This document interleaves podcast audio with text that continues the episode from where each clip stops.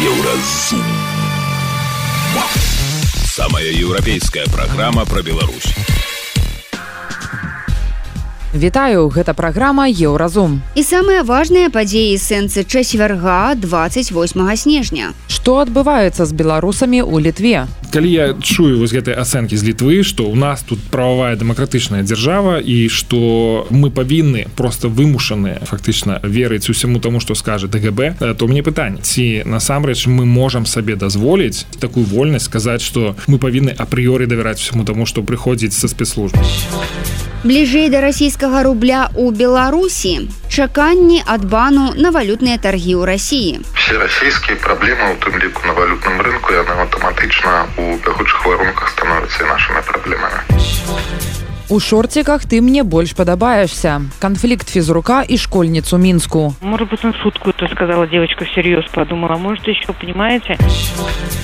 Пра гэта ды іншае больш падрабязна цягам бліжэйшай гадзіны.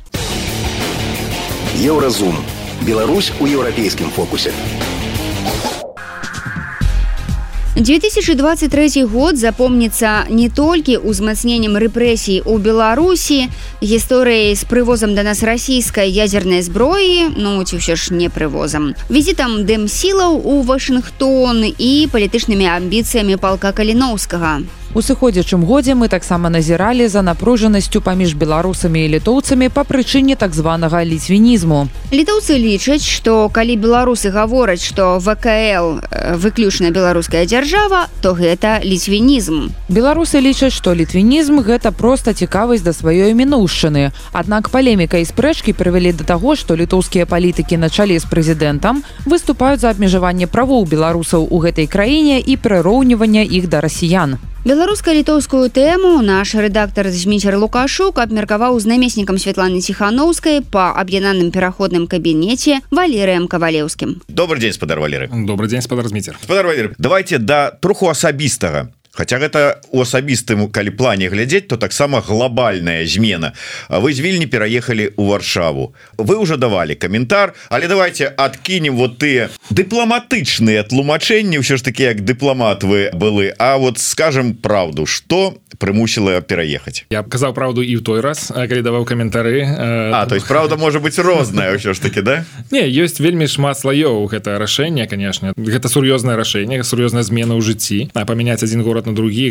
Гэта вымагае вельмі шмат высілкаў і трэба нармальна для это тлумачэння абгрунтавання бадай што для мяне самае галоўнае это тое што кабінет цяпер будзе збольшага знаходзіцца ў варшаве. Гэта важное месца для нашай працы і з, з польскім урадам не толькі з новым урадам але з папярэднім таксама і вельмі шмат было зроблена. Таксама гэта лагістычна такі трошки больш зручнае месца для мяне каб працаваць па міжнародных адносінах. Таму месца дзе ёсць такая энергія якая мне вельмі пасуе я называю варшаву вельмі падобнай да мінска. Такая трошки павялічаная версія нашай нашай сталіцы. Таму я думаю что тут будуць нейкія новыя формы новыя новыя людзі новыя ідэі новая энергія. Я ўсё ж таки спадар валер нездарма задаў гэтае пытанне. Не столькі пацікавіцца вашими асабістымі зменамі у жыцці і лагістыцы але і з пункту гледжання ўсё ж таки адносінаў і ось гэтага можа быть ролі в абароне правоў беларусаў калі глядзець на сітуацыю у літве. Мы колькі месяцаў вось гэтая незразумелая сітуацыя з нейкім там знойдзеным літвінізмам адпаведна з пэўнымі праблемамі якія ўзніклі у беларусаў з падаўжэннем віда на жыхарства там нейкіх дакументаў нейкія высылкі знаходжанні там что нехта там 20 гадоў служыў у войску і ён раптам стаў пагрозай для нацыянальнай бяспекі літвы. Я вот з гэтага пункту гледжання ўсё ж такі. Вы як чалавек які адказвае за міжнародны накірунак но для беларусаў адносіны з літвой гэта у тым ліку міжнародны накірунак то есть сфера дзеяння і ваша. Что там адбываецца вот все ж таки патлумачьте мне з пункту гледжання дыпламата але простым языком не дыпламатычным мовай такой а мовай нормального человека. У чым на ваш погляд прычына того что там адбываецца і як гэта вырашыць Ну я не ведаю ці можна тут лёгка і просто ужыць но, мову нармальная чалавека каб патлумачыць усе гэтыя працэсы але я пачну з пазітыўнага. Тое что літаральна на мінулым тыдні даруце на гэтым тыдні было прынятае рашэнне про тое что у сем'е прагаласавалі за працяг за падаўжэнне тэрміна внж для тых хто прыехаў у літву па гуманітарных візах. І так гэта не вельмі шмат людзей прыкладна 750 чалавек якія жывуць лютве на таких подставах гэта могу быць і я калі б я вырашыў працягнуць сваё пражыванне ў літве. Але тым не менш гэта станоўчы крок. Хаця ён быў досыць на паверхні. І было это просто фактычна тэхнічным нейкім момантам які трэба было вырашыць ужо досыць даўно. Тое что зараз адбываецца і вось гэтыя вельмі частыя э, і на наш погляд беспадстаўнай адмовы беларусам у внж. Это выклікае заклапошанасць конечно даруце за такую дыпламатычную мову але тым не менш мы пачынаем менавіта з гэта то что вы выклікае пытанні. Часам адчуваецца что ёсць нейкая прэзумпцыя вины у беларусаў то есть толькі таму что яны беларусы. Хаця ў правовой дзяржаве так не павінна быць. Трэба даказаць что чалавек сапраўды уяўляе сябе нейкую пагрозу нацыянальнай бяспекі. Что ў яго былі нейкія контакты якія могуць выклікаць подазрэнні і я бачу з боку літоўскіх уладаў вельмі шмат запэўненняў што ёсць дэпартамент дзяржаўнай бяспекі які дбае про нацыянальную бяспеку літвы і што ў іх там ёсць дастатковыя доказы.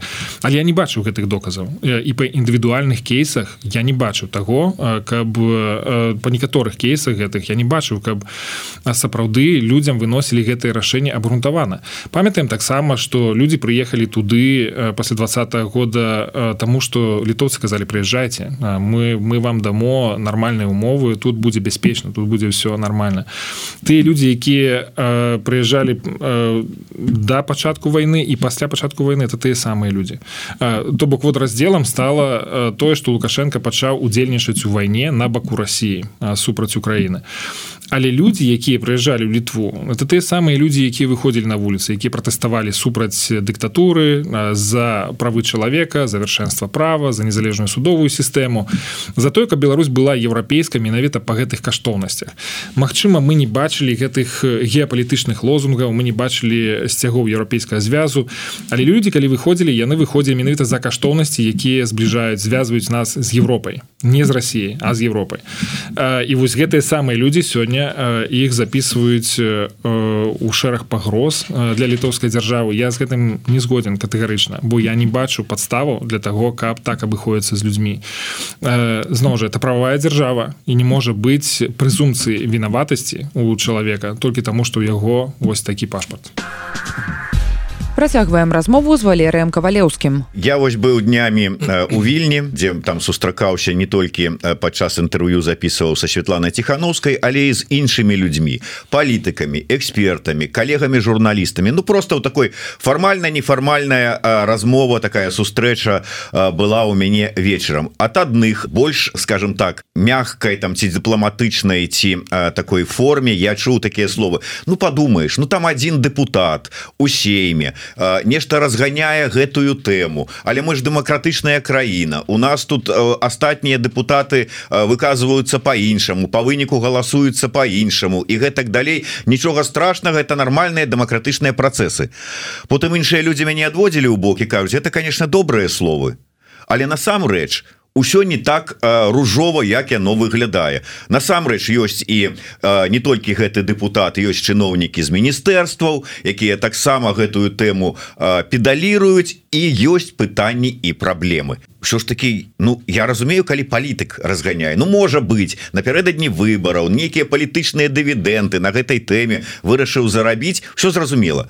Але калі пра это гавораць чыноўнікі прычым сілавых структур то гэта ўжо э, неяк вот выглядае досыць э, небяспечна скажем так. Як як пераадолець я тут пагаджуся з тым что гэта абсолютно не ружовая сітуацыя бо гэта не толькі палітычны нейкі дыалог на тэму того что такое беларусы які ці могуць уяўляць некую пагрозу для літвы ці не. Ёсць канкрэтныя рашэнні якія ўплываюць на лёсы людзей.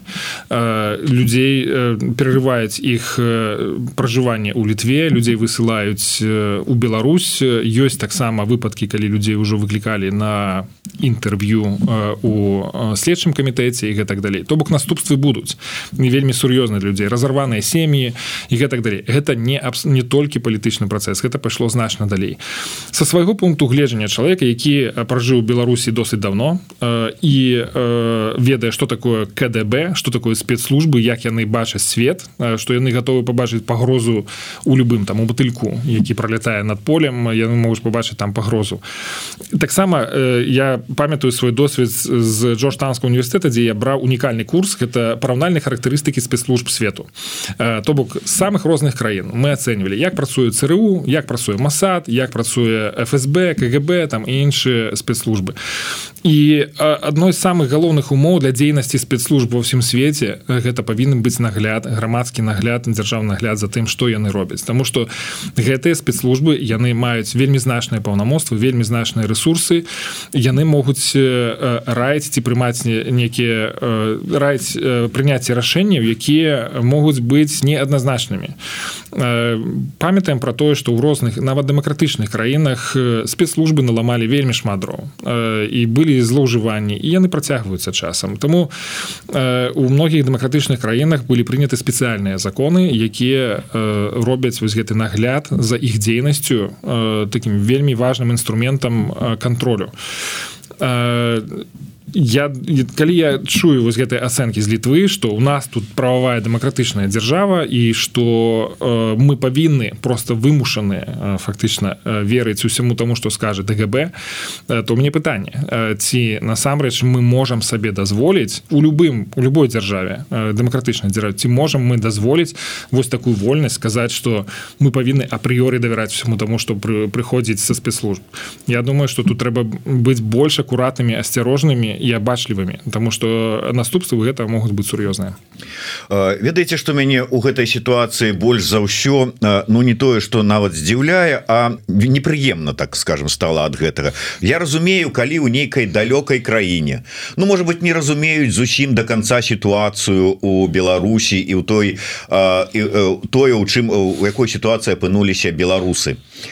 Можа быть не даходзіць інфармацыя можа спрацоўваюць там там я не ведаю лабісты якія ці яшчэ что і калі такая вот там сітуацыя здарылася там у якой-нибудь краіне там но ну, я не ведаю там можа быть нават гэта Швецыя можа быть якая Португалія Германії то ёсць нейкіе там вот пытанне такое адчуванне что не разумеюць что адбываецца ў Беларусь но літва гэта тое месца па-першае памяць э, об СССР КДБ СССР акупацыі саветамі вельмі добра памятная там. І як змагаліся з саветамі і ў якой сітуацыі жывуць беларусы таксама добра ведаюць. І офісу у выніку вы знаходіцца там пастаянныя сустрэчы с прэзідэнтам літвы там с іншымі там лідарамі палітычнымі літвы і такое. Ну вот неяк вот для мяне это непрыемнае здзіўленне выклікае. Чаму так Я думаю тут трэба э, таксама задумацца про тое што мы можемм рабіць далей э, у гэтых умовах. Э, тое што робіць офіс Светлана ціхановскай у літве вельмі важна. Это контакты з палітыкамі контакты з урадоўцамі э, вельмі важна. Э, тыя грамадзяне э, беларусі якія потрапілі под такія абмежаванні ці под э, такія натыфікацыі про э, неабходнасць выезду з белару з, з літвы іх ёсць магчымасць выкарыстання судовай сістэмы апеляваць гэтае рашэнне. Ёсць урэшце рэшт еўрапейскі суд па правах чалавека куды таксама трэба трэба ісці. І калі ёсць дастаткова матэрыялаў і пацверджанню таго што гэтыя рашэнні былі вынесеныя не абгрунтавана то трэба карыстацца. У, у еўрапейскім звязе у всякім разе ёсць даволі развітая сістэма літва частка гэтай сістэмы таму трэба гэтым карыстацца. Са свайго боку як прадстаўнік кабінета я буду працаваць конечно і з літоўскімі уладамі і з еўрапейскім звязам таксама еўрапейскай камісіі то бок з камісарам па ўнутраных справах да гэтага таксама трэба далучаць іх звяртацца да іх за экспертызай за падтрымкай нейкай за парадай што можна рабіць у такой сітуацыі мы гутарылі з намеснікам святланы ціканаўскай у аб'яднаным пераходным кабінеце валерыем кавалеўскім. Палітык пракаментаваў свой пераезд з вільні ў варшаву і патлумачыў прычыны напружанасці паміж літоўцамі і беларусамі ў гэтай краіне. Еўрарадыё кропка fm далей у праграме еўразум. Бліжэй да расійскага рубля ў беларусі чаканні ад бану на валютныя таргі ў рассіі все расійскія праблемы у тым ліку на валютным рынку яны аўтаматычна у бягучых варунках становяцца і нашымі праблемамі у шорціках ты мне больш падабаешься канфлікт фізрука і школьніцу мінску может быть он шутку это сказала девочка всерьез подумала может еще понимаете? Сустрэнемся пасля навінаў спорту. Еўразум. Беларусь у еўрапейскім фокусе.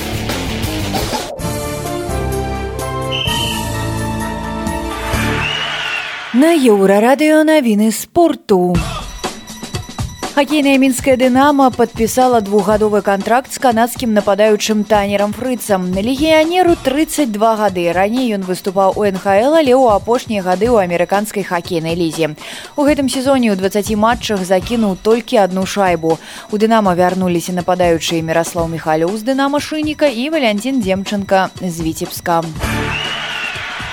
Беларускі хакеіст Ягор Шарангович набраў 22 выніковы бал у гэтым сезоне у НХЛ калгары, за які ён выступае, прайграў дома сетлу 1-2. Шарангович вызначыўся асістам. Чацвёрты матч набірае ачкі нападаючы Вашынгтона Алексей Протас у яго ўжо 17 балаў. У першых чвэрцьфінальных гульнях кубка беларусі па міні-футболе перамаглі гаспадары. Вітэн орша абыграў мінскую ахову дынама 31 гомельскі врз гродзенскіх дынамаўцаў 63 мінска разграміў сталічны дарожнік 50 матч у адказ прызначаны на 30 снежня. Дзейны ўладальнік кубка сталіца першы матч з гомельскім бчс гуляе 29 снежня а паўторны ў гомелі сёмага студзеня. У Беларусь плануе прыехаць легендарны партугальскі футбаліст уладальнік залатога мяча Луіш фігу. Ён прызнаўся што шмат ездзіў па свеце але яшчэ ні разу не быў у нашай краіне. Хоча пазнаёміцца з беларускай культурай і людзьмі. У нстаграме фігу падпісаны на аккаунт арыны сабаленко якую лічыць адной з найлепшых тэнісістак свету. Гэта былі навіны спорту на еўрарадыё. Заставайцеся з намі. Еўрарадыё моц настрою у чацверу беларусі прайшлі апошнія таргі 2023 года па выніках долар і еўра патаннелі а расійскі рубель падаражэў Такім чынам фіксуем. Напрыканцы года долар каштуе 3 рублі 17 копеек, еўра 3 рублі 52 копейкі. 100 расійскіх рублёў у банку вам выдадуць за 3 рублі 49 копеек. Зафіксавалі. А цяпер параўноўваем гэтыя лічбы з тымі, што былі на пачатку года. За долар мы аддавалі 2 рублі 73 копейкі, за еўра 2,90, а за 100 расійскіх рублёў 3 рублі 78 беларускіх копеек. То бок рост долара з пачатку года склаў крыху больш за 16соткаў. Еўра 21 сотак. Расійскі рубель патаннеў на 7 з паловай адсоткаў. Эканамісты кажуць, што наступны год не будзе лёгкім для беларусаў і адна з прычынаў усё большая эканамічная залежнасць мінска ад Масквы, над якой навісаюць усё новыя санкцыі. Паслухаем наш рэпартаж. Днямі кіраўніца цэнтрабанка рассіі Эльвіра Набіуліна заявіла, што яны гатовыя да санкцыі супраць маскоўскай біржы. Раней пад блакаванне ЗША трапіла СПБ біржа і яна спыніла таргі. Рызыка, што такі самалёс нападкае Маскву апошнім часам актыўна абмяркоўваецца ў рассіі. І вось Набіуліна наважылася зняць трывогу па гэтым пытанні. Яна сказала, што ў выпадку санкцый курсы валют будуць вызначацца па-за біржай, а гэта наўрад ці моцна паўплывае на курсы долара або еўра. Ці ёсць нам увогуле справа да таго, што робіцца на валютнай біржы ў рассіі. І калі так, то ці зачэпяць імаверныя санкцыі ЗША адносна Масквы і нас. Еўрарада папрасіла патлумачыць гэта эканаміста Дмітрыя Крука. Біржах это тое месца, дзе афіцыйны гандаль сессии гандлю ідуць па выніках якіх усталёўваецца афіцыйны курс рубля. І ну я б тут такую аналогію правёў што напрыклад калі две каманды гуляюць у футбол і вось якісьці санкцыі ў дачыненні да стадыёна уводзяцца то вось пытанне дзе будзе гэта гульня ось тут у такім жа сэнсе дзе тады будуць адбывацца гандаль і якім чынам будзе усталёўвацца курс. І тое што сказала набіуліна як я разумею означае что э, нібыта хвалявацца не варта і что ў такім выпадку гандаль э, афіцыйны курс будзе усталёўвацца па выніках э, гандлю э, на унебіржавым рынку то бок паміж банкамі і што яны гатовы да такого сцэнару падзей вось гэта сэнс што нібыта гэта не перавядзе да істотнага хістання курсу сёння на расійскім рынку значная частка гандлю адбываецца па-за межамі рассіі на сённяшні дзень на расійскім рынку значная частка гандлю яна адбываецца па-за межамі рассіі тому что расійскія кампаніі яны спрабуюць не заводзіць валютную выручку украіну і патэнцыйна гэта вось тое што мы бачылі ўвосень любые любые нават на першы погляд неістотныя шокі яны б маглі весці да істотных ваганняў курса. Ну вот адпаведна ж тое што спрабуе зрабіць набіўлена гэта прадухіліць такое апасенне такую бозі боязь з боку усіх для каго курс мае тое ці іншае значэнне ці адаб'ецца гэта ў выніку на беларусі на нашай эканоміцы на курсах валют працягвае зміцер круг. Тое што на Беларусь гэта будзе ўплываць ну безумоўна тому что тое што мы восень бачылі і не толькі восень там уже напэўна апошні году 5 як мінімум што любые ваганні курса Росіі яны амаль цалкам адбіваюцца на Беларусі. І тут прычына вельмі проста чаму ж ну, все калегі в один голас скажуць не першы год што беларускі рубель ён фактычна паўтарае траекторыі расійскага рубля. Гэта такая неяўная нефармальная прывязка беларускай валюты да расійскай праз залежнасці ад расійскага рынку Таму калі вельмі просто.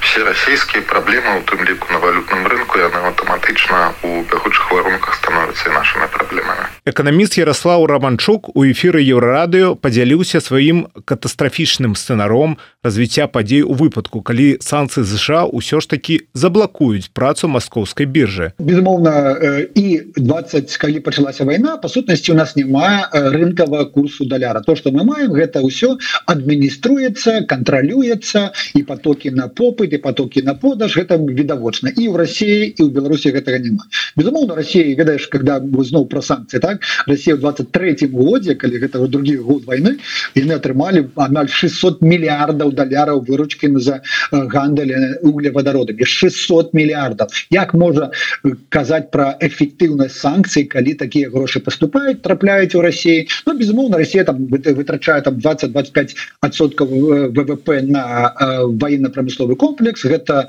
для людзей гэта на вытворчасць і часці часцінка нейкая гэты грошы трапляю Беларусь что будзе з Беларусю калі не будет торгов Я думаю что ціск на расійскі рубель будзе павялічвацца Вось эмісія расійска рубля будзе павялічвацца гэта означае что Россия будзе прымушаць і гэта зноў пагроза для Беларусі 24 годзе что будзе павялічвацца ціск на тое как Беларусь перайшла на расійскі рубель. Лукашенко будзе брыкацца безумоўна але вот, вось такі сцэнар Я думаю что будзе абсолютно реалістычны тому скажет Ну так вы глядзіце нас 85соткаў наших разлікаў паміж краінамі гэта расійскі рубель навошта вам гэты беларускі рубель патрэбны? Так?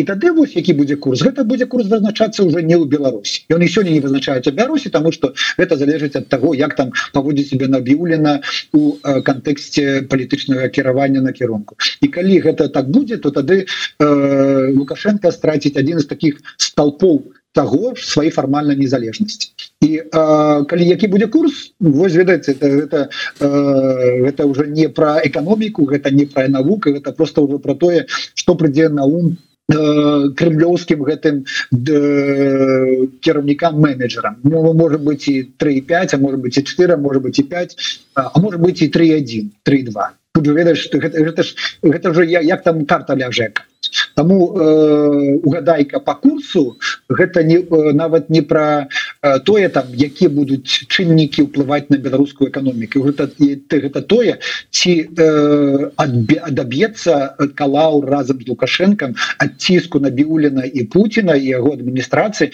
увесці расійскі рубель у Беларусь нашмат важнейшае пытанне чым тое якім будзе курс долара ў Беларусі на думку Ярослава рамачука перад Беларусю стаіць такое. Ці адаб'ецца кіраўнік нацбанка РБ калаур разам з лукашэнкам адціску на біуліна і Пуціна ад увядзення расійскага рубля. І хоць апошнім часам наўпрост пра гэта на найвышэйшым узроўні не заяўлялася эканаміст лічыць што нельга выключаць такую магчымасць. Служба інфармацыі еўрарадыё. Еўрарадыё. Твоя улюбёная хваля Далей у праграме еўразум. У шорціках ты мне больш падабаешься. Канфлікт фізрука і школьніцу мінску. Может быть, он шутку это сказала девочка всерьез подумала. Может, еще, понимаете? Сустрэнемся пасля навінаў шоу-бізу. Еўрарадыё. Твая улюбёная хваля. Шоу-біз.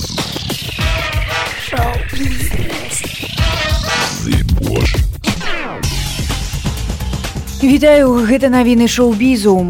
Зак Снайдер прызнаўся ў стомленасці ад жанру супергеройскага кіно, далучыўшыся да абмеркавання гэтай актуальнай тэмы ў сетках. На думку рэжысёра навукова-фантастычнага эпіка мяцежны месяц частка адзін дзіця агню стомленасць ад супергерояў не проста магчымая. Ён сам адчувае яе. Рэжысёр чалавека са сталі лігі справядлівасці Зак Снайдер связвае гэта з тым, што сучасныя фільмы пра супергерояў не могуць быць зняты ў фармаце аднаразовай гісторыі. Снайдер тыдзень таму прадставіў на суд гледача першую частку двухсерыйнага фільма мяцежны месяц частка адзін дзіця агню. Другая частка, даруючая шнары выйдзе 19 красавіка 2024 года. Больш затое рэжысёр плануе выпусціць рэжысёрскую версію з рэйтынгам Ара, таксама стварыць відэагульню па матывах фільма.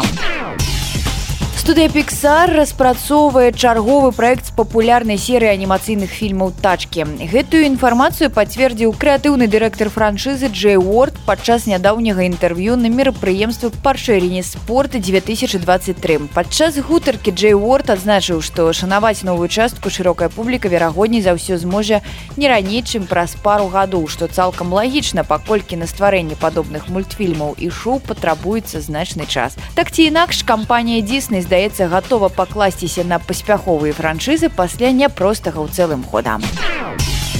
Дачка супермадэлі Ірынны шэйкай галівудскага акцёра Брэдлі Купера пачала здымацца ў кіно. Дзяўчынка з'явілася разам са сваім татам у новым фільме маэстра. Лея прыехала на прэм'еру карціны ў лос-анджелесе, пасля чаго журналісты вырашылі, што малая зусім стала дарослай і вырашыла падтрымаць працу бацькі. Але гэта аказалася праўдай толькі збольшага, бо дзяўчынка проста вельмі хацела убачыць на экране сябе. Гэта былі навіны шоу-бізу, заставайцеся на хвалях еўрарадыё.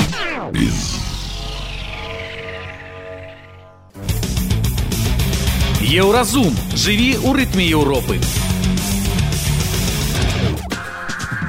Днямі з Францыі прыйшла навіна пра тое, што больш за 50 французскіх акцёраў, рэжысёраў, пісьменнікаў і музыкаў падпісаліся пад артыкулам у французскай газеце Ле Фігаро з заклікам спыніць цкаванне жырара дэпардзе. Да іх долучыўся і прэзідэнт краіны Эмануэль Макрон. З два -го года дэпардзе знаходзіцца пад следствам па абвінавачванні ў згвалтаванні. Але грамадская нелюбоў да акцёра ўзмацнілася пасля выхаду дакументальнага фільма на тэлеканале Франц ту, у якім артыст дапускае непрыстойныя словы і жэсты ў адрас жанчын і непаўнагадовай дзяўчынкі. Група падтрымкі дэпардзе заклікае паважаць прэзумцыю невінаватасці любога грамадзяніна і не байкатаваць такога вялікага акцёра. Але не заўсёды падобныя гісторыі маюць шчаслівы канец. Нядаўна беларускае грамадства шакавала навіна пра харасмент у ЕГУ. Некалькі дзяўчат пацвердзілі непрыстойныя паводзіны выкладчыка гэтай установы Сергея Сялецка Зеленскага. Вынікам разглядаў стала яго звальнення. На жаль, гэта адзін з нешматлікіх прыкладаў, калі праўда пра дамаганні выплывае вонкі. Ёсць кейсы, якія так і застаюцца непублічнымі, бо альбо ахвяра саромеецца іх агучыць, альбо нехта робіць усё, каб гісторыю замяць. Пра адну з іх мы цяпер і раскажам. У рэдакцыю еўрарадыё звярнулася Наталля імя змененае з просьбай асвятліць гісторыю, якая здарылася ў адной з мінскіх школ з дзяўчынкай, дзе вучыцца сын жанчыны. На уроку фізкультуры настаўнік забараніў адной з дзяўчат пераапранацца, сказаўшы, што ў шорціках яна яму больш падабаецца. Дзяўчынка расказала пра здарэнне сваёй сяброўцы, а тая ў сваю чаргу звярнулася да фізрука і спытала ў яго: вы што педафіл раскажаце такія рэчы маленькім дзяўчынкам. Пасля гэтага па словах Наталлі настаўнік фізкультуры напісаў на абедзвюх дзяўчынак дакладныя, а іх выклікалі ў адміністрацыю, дзе 15 хвілін саромілі. А бацькоў папракнулі ў невыкананні абавязкаў па выхаванні і запалохвалі сацыяльнымі праверкамі. Жанчына, якая звярнулася ў нашу рэдакцыю дзецям верыць. Больш за тое, яна кажа, што праўдзівасць іх слоў змог бы пацвердзіць практычна ўвесь клас. Наталья перакананая. Адміністрацыя школы прыкрыла фізрука а таксама абгаварыла школьніц і іх бацькоў. Найперш корэспандэнт еўрарадыо звярнуўся па каментару адно з управленняў адукацыі мінска. Ён прадставіўся неабыякавым бацькам дзяўчынкі з гэтай жа школы і задаў пытанні пра тое што рабіць калі з дзіцём на занятках здарылася такая сітуацыя. Супрацоўніца ўправлення дапусціла што гэта магло не быць дамаганнем з боку настаўніка. Вот физрук сказал да Ну, может, он шутя сказал, а может, еще девочка серьезно подумала. Там ситуация какая была, понимаете? Сейчас дети могут э, сказать все, что угодно. Для этого надо как-то, вот, понимаете? И чтобы обвинить человека тоже, ну, если какие-то факты еще, может быть, были в классе, понимаете? Для этого надо как-то разобраться, это один раз такой, или он шутит еще. Ну, как, вот, понимаете, с одного раза сказать, что человеку, вот, не дай бог. Вы бы там тоже детали, девочки, что вы нравитесь, там, ну, и как-то так один раз, и, и ну, шутя. А тут, как он сказал, может быть, он шутку это сказала девочка всерьез подумала, может, еще, понимаете? Паводле яе слоў, найлепшы выхад у гэтай ситуации звярнуцца ў администрацию школы. А сначала как бы обращаются к администрации школы. Вот. Э, директору непосредственно, потому что директор за все отвечает. Если директор не реагирует на ваши, так сказать, ну, вот вы пришли, рассказали ситуацию, если она не реагирует, не принимает никакие меры, приходите к нам, не вопрос управления. Вот. Вот мы здесь пытаемся разрешить этот, если действительно имеет такие факты быть. Пасля звароту ва ўправленні адукацыі раёна мусіць прайсці расследаванне, падчас якога па словах работніцы аддзела адукацыі будуць адбывацца гутаркі з адміністрацыяй, настаўнікам фізкультуры, дзяўчатамі і іх бацькамі. Сначала надо выяснить, да. Вот, естественно, будут вопросы э, также с администрацией решаться по а. этому поводу, да. Понимаете, один случай, как бы ребенок, ну, может еще вам рассказать, да, Поэтому я, я вас понимаю как папу, в любом случае, но надо разобраться, конечно, в этом. Сначала как бы с администрацией, с педагогами и все остальное, но это все будет очень деликатно, вы же понимаете. Хотите, придите в управление Наталья Владимировна, к нашему начальнику отдела поговорите, если как бы пока не хотите идти к адміністрацыі гендерная даследчыца Ірына сідорская не бачыць у гэтай гісторыі праяваў харасменту ці булінгу. На яе думку сучасная беларуская школа апрыёры не дапускае якога-кольвек кансенсусу і нацэленая выключна на запалохванне. Я ужывала бы вось такія словы як булінг харасмент. Я б гаварыла бы пра тое што неадчувальная сучасная беларуская школа да магчымасцяў харасменту да магчымасцяў вось сексуалізаванага гвалту у адно у адносінах настаўнікаў да вучняў і вучаніц і калі вось як бы і што ну бачна па гэтай гісторыі што школа не хоча вырашаць праблемы ну як бы без э, без можа агрэсіі каб вось спакойна паразумецца каб можа ну не ведаю.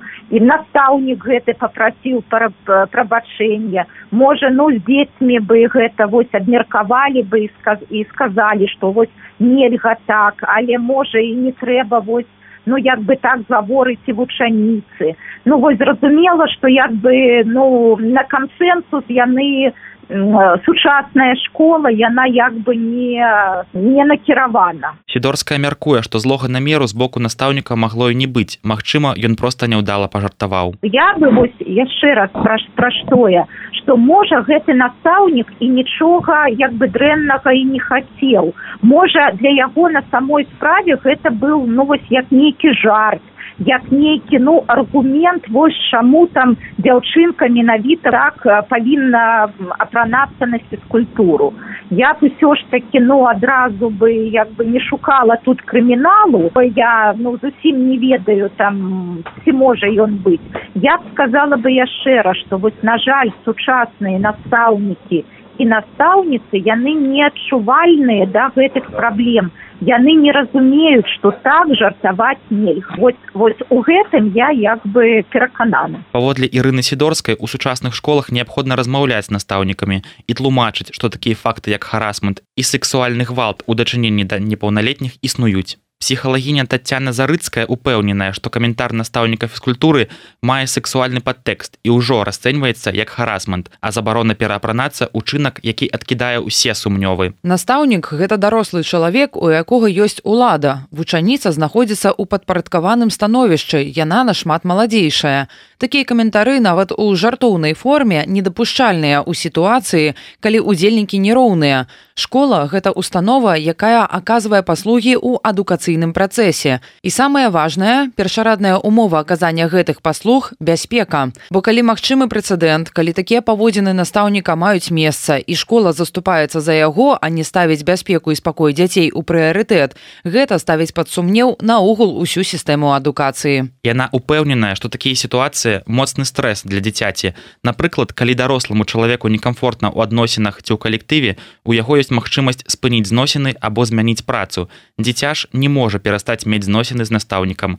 Знаходжанне ў працяглым канфлікце з выкладчыкам выклікае дыстрэс і можа прывесці да негатыўных наступстваў, такімі як адмова наведваць урокі, агрэсіўныя паводзіны ў дачыненні да членаў сям'і і аднакласнікаў, дэпрэсія, трывожны разлад, страх, злосць і пачуццё віны. Паводле спецыялісткі гэтыя негатыўныя наступствы можна перадухіліць даўшы дзіцяці падтрымку і адчуванне бяспекі. Калі адбылася такая сітуацыя перш за ўсё важна даць зразумець дзіцяці што вы яму верыце. Вы на яго баку і зробіце ўсё магчымае каб абараніць яго Ваше дзіця даверылася і гэта вельмі важна. Пра большасць такіх гісторый становіцца вядома занадта позна, калі чалавек стаў дарослым і у яго з'явіўся рэсурс абмеркаваць гэта з іншымі людзьмі. Па-другое, назавіце рэчы сваімі імёнамі. Ціск настаўніка на дзяўчынку і каментары з нагоды шорцікаў гэта сексуальнае дамаганне. Настаўнік не мае права так сябе паводзіць, калі гэта была памылка і няўдалы жарт, дарослы мусіць папрасіць прабачэння і сваімі паводзінамі даць зразумець, што гэта больш не паўторы ускорыцца, а пасля прытрымлівацца фармальных зносін выключна ў рамках адукацыйнага працэсу. Акрамя гэтага псіхалагіня раіць размаўляць настаўнікам у прысутнасці дырэктара, даючы зразумець, што намеры сур'ёзныя. На такія сустрэчы не варта браць дзяцей, бо сустрэча з патэнцыйным аўтарам дамаганняў і гвалту можа быць траўматычна для таго, хто яго перажыў. Самае важнае, каб дзяўчынка адчувала, што бацькі на яе баку, што ім можна давяраць, што яны будуць абараняць яе. Гэты досвед дазволіць ёй абараніць сябе ў будучыні і не даць сябе ў крыўду. Важна данесці, што яна не вінаватая, а адказнасць за тое, што здарылася, нясе дарослы. Інфармацыйная служба еўрарадыё. Гэта была праграма Еўразум, штодзённы інфармацыйны падкаст еўрарадыё. Кожны дзень мы распавядаем пра галоўныя навіны Беларусі і свету. А сённяшні выпуск скончаны. Беражыце сябе. З надыходзячым новым годам. Еўразум. Самая еўрапейская праграма пра Беларусь.